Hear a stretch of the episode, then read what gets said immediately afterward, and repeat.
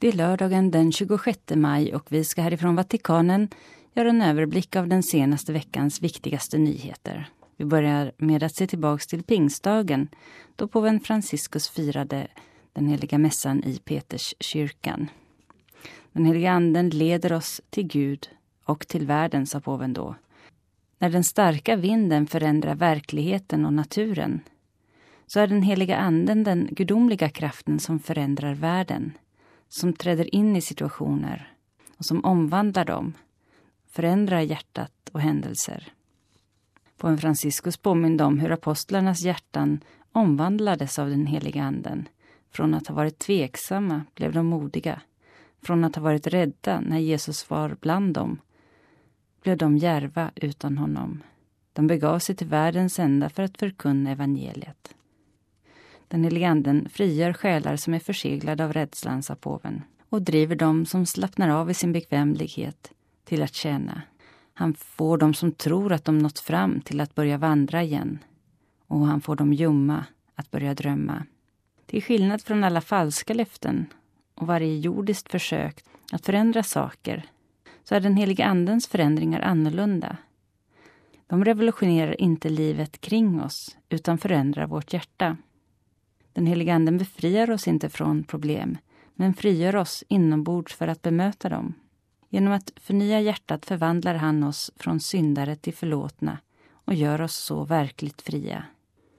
Påven Franciscus avslutade sin predikan på pingstdagen med en bön till den heliga Anden att komma, att driva kyrkan till de yttersta gränserna. Blås fredens värme och hoppets friska vind över världen, sa han. Kom, heliga Ande, förändra och förnya jordens ansikte. Och under sin Regina Celli på söndagen klockan 12 på Petersplatsen meddelade påven Franciscus att den 29 juni kommer han att leda ett konsistorium under vilket han skapar 14 nya kardinaler. Ett tecken på kyrkans universalitet som fortsätter att förkunna Guds barmhärtiga kärlek till alla människor på jorden, sa påven. Deras ursprung uttrycker kyrkans universalitet, sa han. Och vidare visar tillsättandet av de nya kardinalerna i Roms stift på den oskiljaktiga kopplingen mellan Petrus och de särskilda kyrkorna spridda över hela världen. Därefter läste påven namnet på de nya kardinalerna. Och avslutningsvis sa han, vi ber för de nya kardinalerna, att de bekräftar sin tillhörighet till Kristus, barmhärtig och trogen överstepräst, och att de hjälper mig i mitt ämbete som Roms biskop, till gagn för hela Guds heliga trogna folk. Det kom ett pressmeddelande från den heliga stolens pressrum om att påven Franciscus kommer att fortsätta ta emot offer för sexuella övergrepp i Chile. Och i början av juni månad så kommer han ta emot en andra grupp övergreppsoffer som fallit offer för den chilenska prästen Fernando Caradima. Och den här gången rör det sig om fem präster. Med detta nya möte som planeras sedan en månad vill påven Franciscus visa sin närhet till präster som fallit offer för övergrepp, följa dem i deras smärta och lyssna på deras värdefulla råd för att förbättra de förebyggande åtgärderna i kampen mot övergrepp i kyrkan. Och i och med den senaste tidens fokus på sexuella övergrepp i kyrkan i Chile är kardinal Robert Saras ord om pedofili i hans bok Gud eller ingenting, ett samtal om tro av värde. Boken, som är i form av en intervju mellan kardinal Sara och Nicolas Diat publicerades år 2015 men är nu översatt till svenska och publicerad av det katolska bokförlaget Katolika. I slutet av boken så ber Nicolas Diat kardinal Sara förklara på en Franciscus uttalande under presskonferensen på planet på väg hem från Heliga landet där han jämförde pedofiliprästernas handlingar med svarta mässor. Och då svarar kardinalen mycket sakligt på Franciscus valde att göra detta uttalande eftersom han tror att pedofili är en satanistisk handling. Jag stödjer den helige faderns anklagelse helt och hållet. Hur kan en präst som har gett sig på ett oskyldigt barn på ett så enastående våldsamt sätt fira den heliga mässan efteråt? Om han bestämmer sig för att fortsätta fira mässan har hans respektlöshet mot Guds son blivit så stor att han medvetet eller inte ingått en pakt med djävulen. En pedofilpräst som läser mässan begår ett helgerån. Kardinal Sara förklarar att pedofilhandlingen är ett fördärvande av oskuldsfullheten, ett förnekande av Guds skapelse. Kampen mot den gudomliga renheten är i själva verket djävulens glädje. Ett barns kropp är jungfrulig och djävulen kan inte tolerera det. Avslutningsvis säger kardinal Sara i sitt svar i boken Gud eller ingenting att djävulen kommer att försöka ta revansch och påven Franciscus förtjänar vårt tack för hans mod. Förutom detta svar så är boken mycket läsvärd. Kardinal Robert Sara som är prefekt vid den påvliga kongregationen för gudstjänstliv och sakramentsförvaltning talar om katolsk tro utan att dra sig för de kontroversiella frågorna. Och han berättar även om sin uppväxt i en by i västafrikanska Guinea och om västvärldens moraliska kris och otillbörliga försök till ideologisk kolonisation av Afrika. Den går alltså att beställa på bokförlaget Katolika. På måndagen, dagen efter pingstdagen, firades den första liturgiska minnesdagen för Mater Ecclesiae, Jungfru Maria, kyrkans moder. Denna minnesdag instiftades den 3 mars i år genom dekretet med samma namn, Mater Ecclesiae, utfärdat av den påvliga kongregationen för gudstjänstliv och sakramentsförvaltning. Dagen ska firas varje år på måndagen efter pingstdagen. Och påven firade mässan i Sankta Martas kapell i Vatikanen och talade om att en av moderns främsta dygder är ömhet. Han sa när kyrkan förlorar sin identitet som kvinna och moder blir den som en fruktlös välgörenhetsorganisation, en ungkarlskyrka, oförmögen att älska och oförmögen att ge liv. Påvens vilja med denna nya liturgiska minnesdag är just att främja känslan av kyrkans moderskap hos kyrkans präster, ordensfolk och lekmän, liksom att främja en äkta vördnad för jungfru Maria. Den dygd som mest utmärker en kvinna är ömhet, sa påven. Den som Maria visar då Jesus föddes, då hon omsorgsfullt lindar honom och lägger honom i krubban. Ömhet och ödmjukhet är egenskaper som starkt förknippas med mödrar. En kyrka som är en moder går ömhetens väg, avslutade han. Hon talar kärlekens visa språk. Tystnad, medlidande blick, och öm omfamning. En själ som tillhör kyrkan vet att hon är moder och måste gå samma väg och vara en mild person, öm, leende och full av kärlek.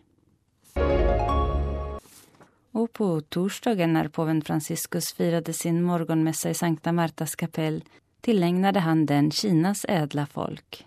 För på torsdagen firar man i Kina Vår fru av Sheshan, Jungfru Maria de kristnas hjälp.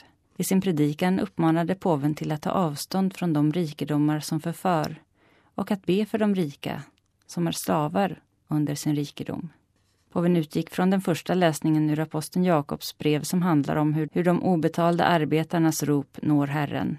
Och han upprepar apostelns ord till de rika. Kraftfulla ord. Ni som är rika, gråt och klaga över de olyckor som ska komma över er. Er rikedom förmultnar.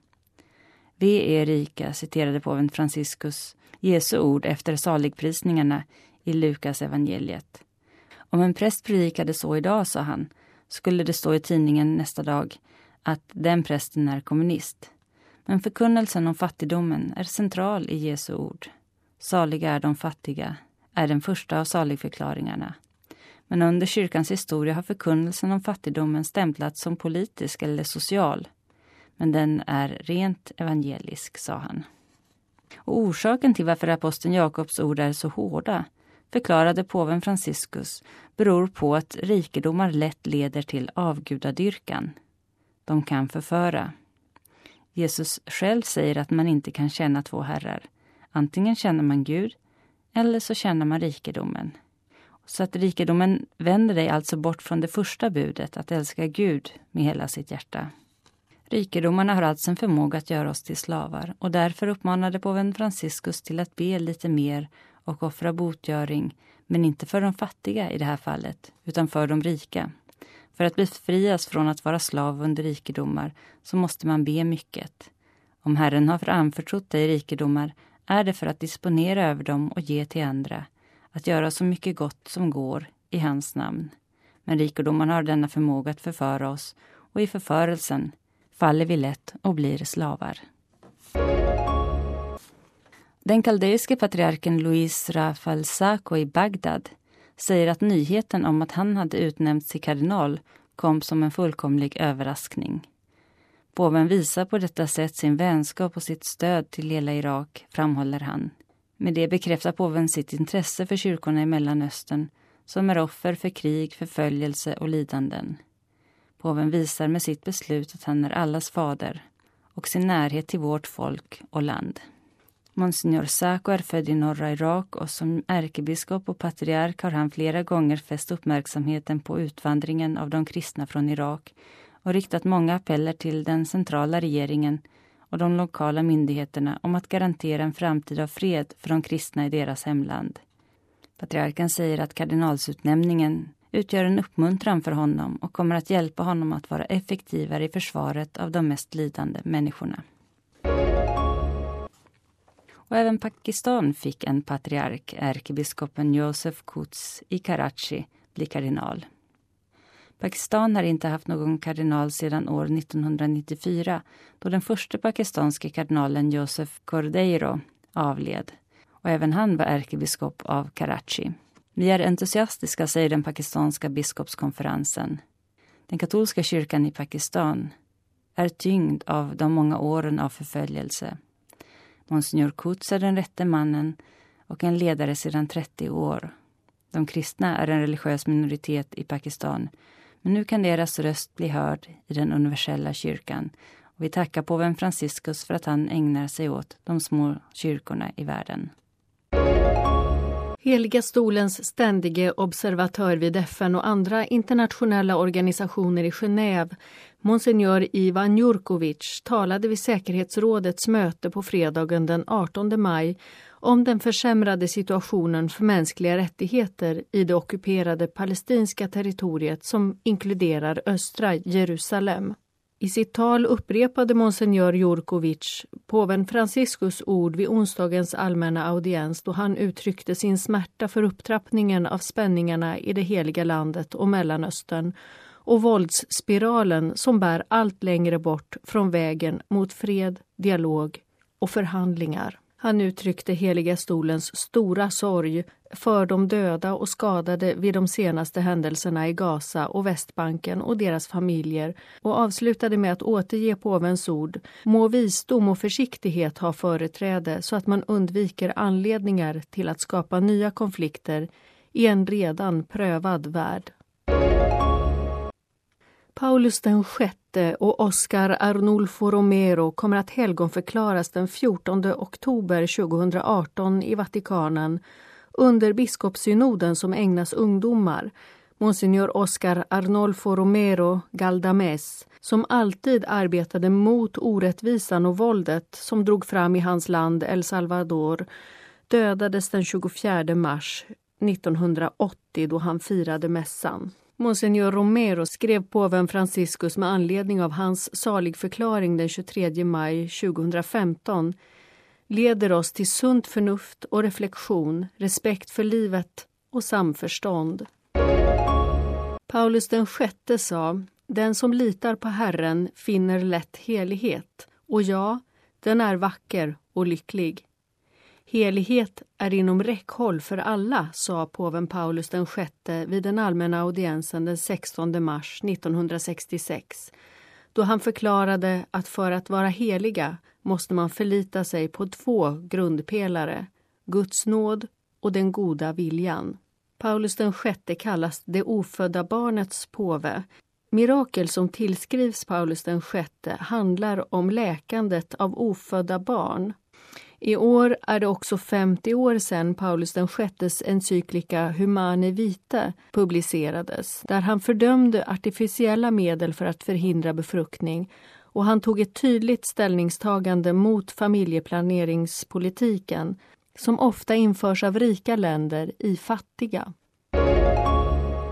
Vid slutet av den allmänna audiensen den 23 maj bad påven Franciscus de församlade på Petersplatsen att enas i bön för katolikerna i Kina och för deras tro och broderskap. Den 24 maj firades Jungfru Maria i Seshan-sanktuariet nära Shanghai och med anledning av detta sa påven vid audiensen Vi ber om Jungfru Marias förböner till de kinesiska katolikerna för att de ska leva sin tro i generositet och ro och för att de ska kunna utföra konkreta handlingar för broderskap, harmoni och försoning i full enhet med Petri efterträdare.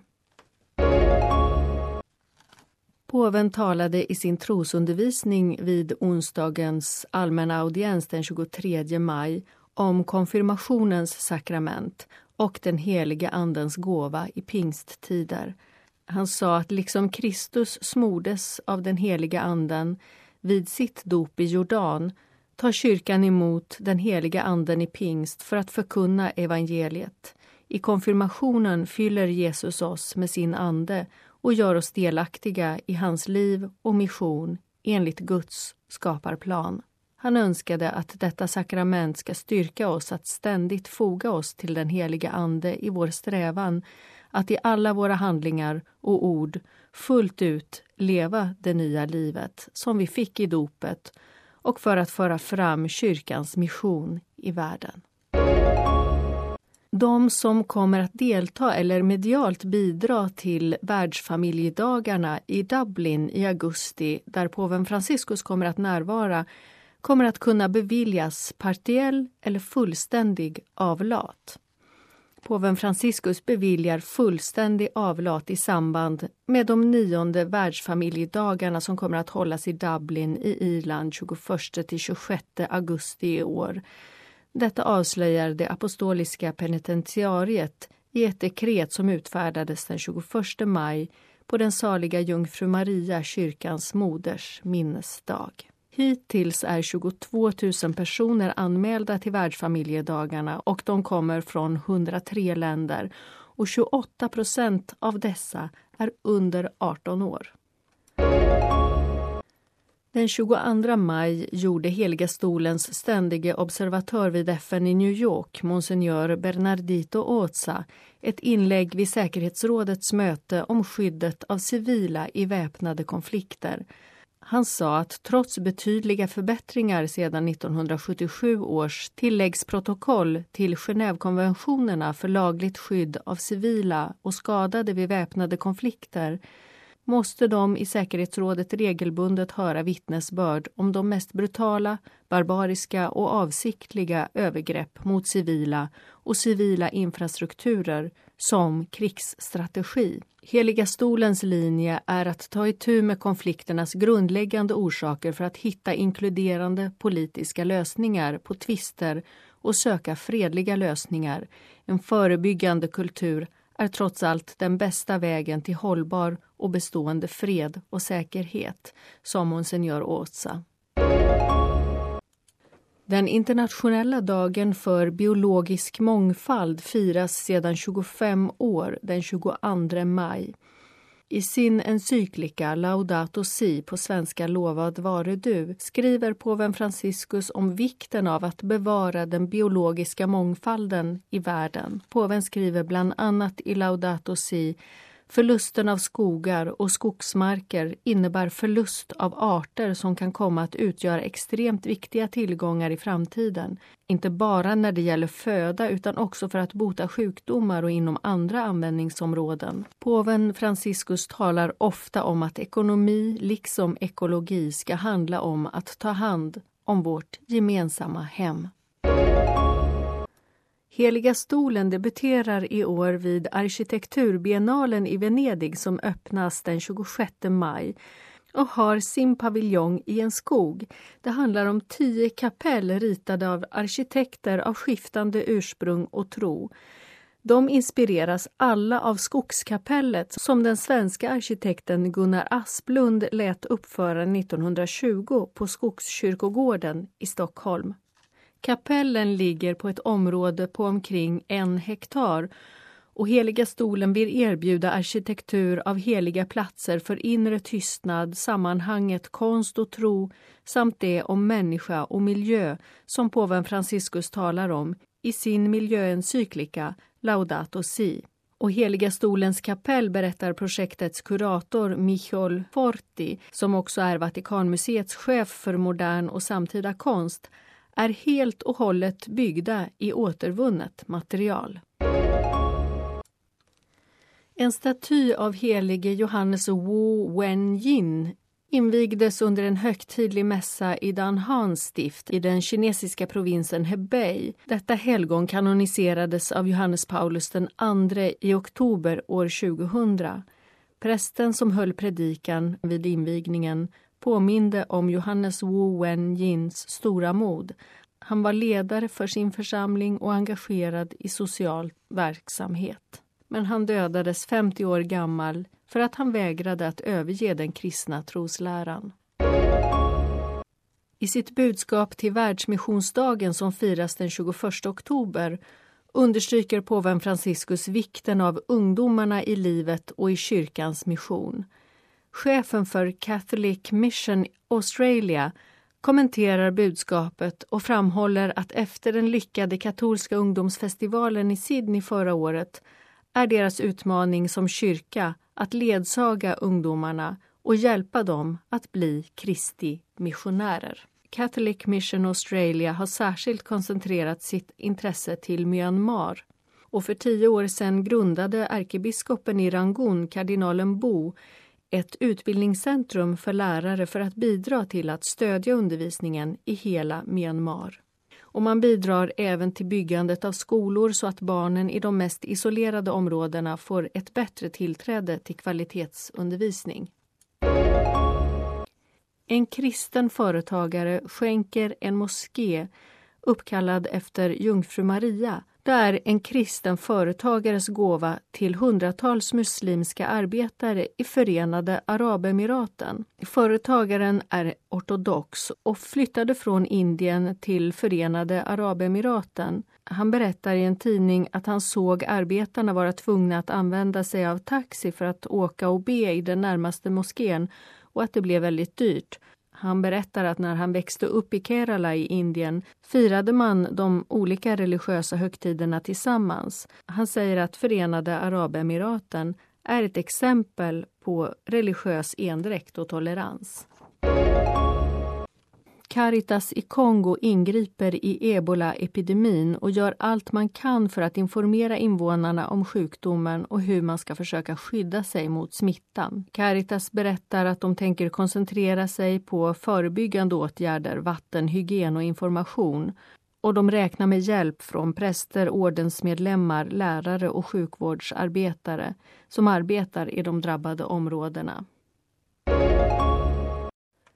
Myanmars framtid grundar sig på den rika historien och traditionen av multireligiös och multietnisk samlevnad framhåller de religiösa ledarna i Myanmar som har samlats till forumet Religions for Peace med ledningen av kardinalen Bo.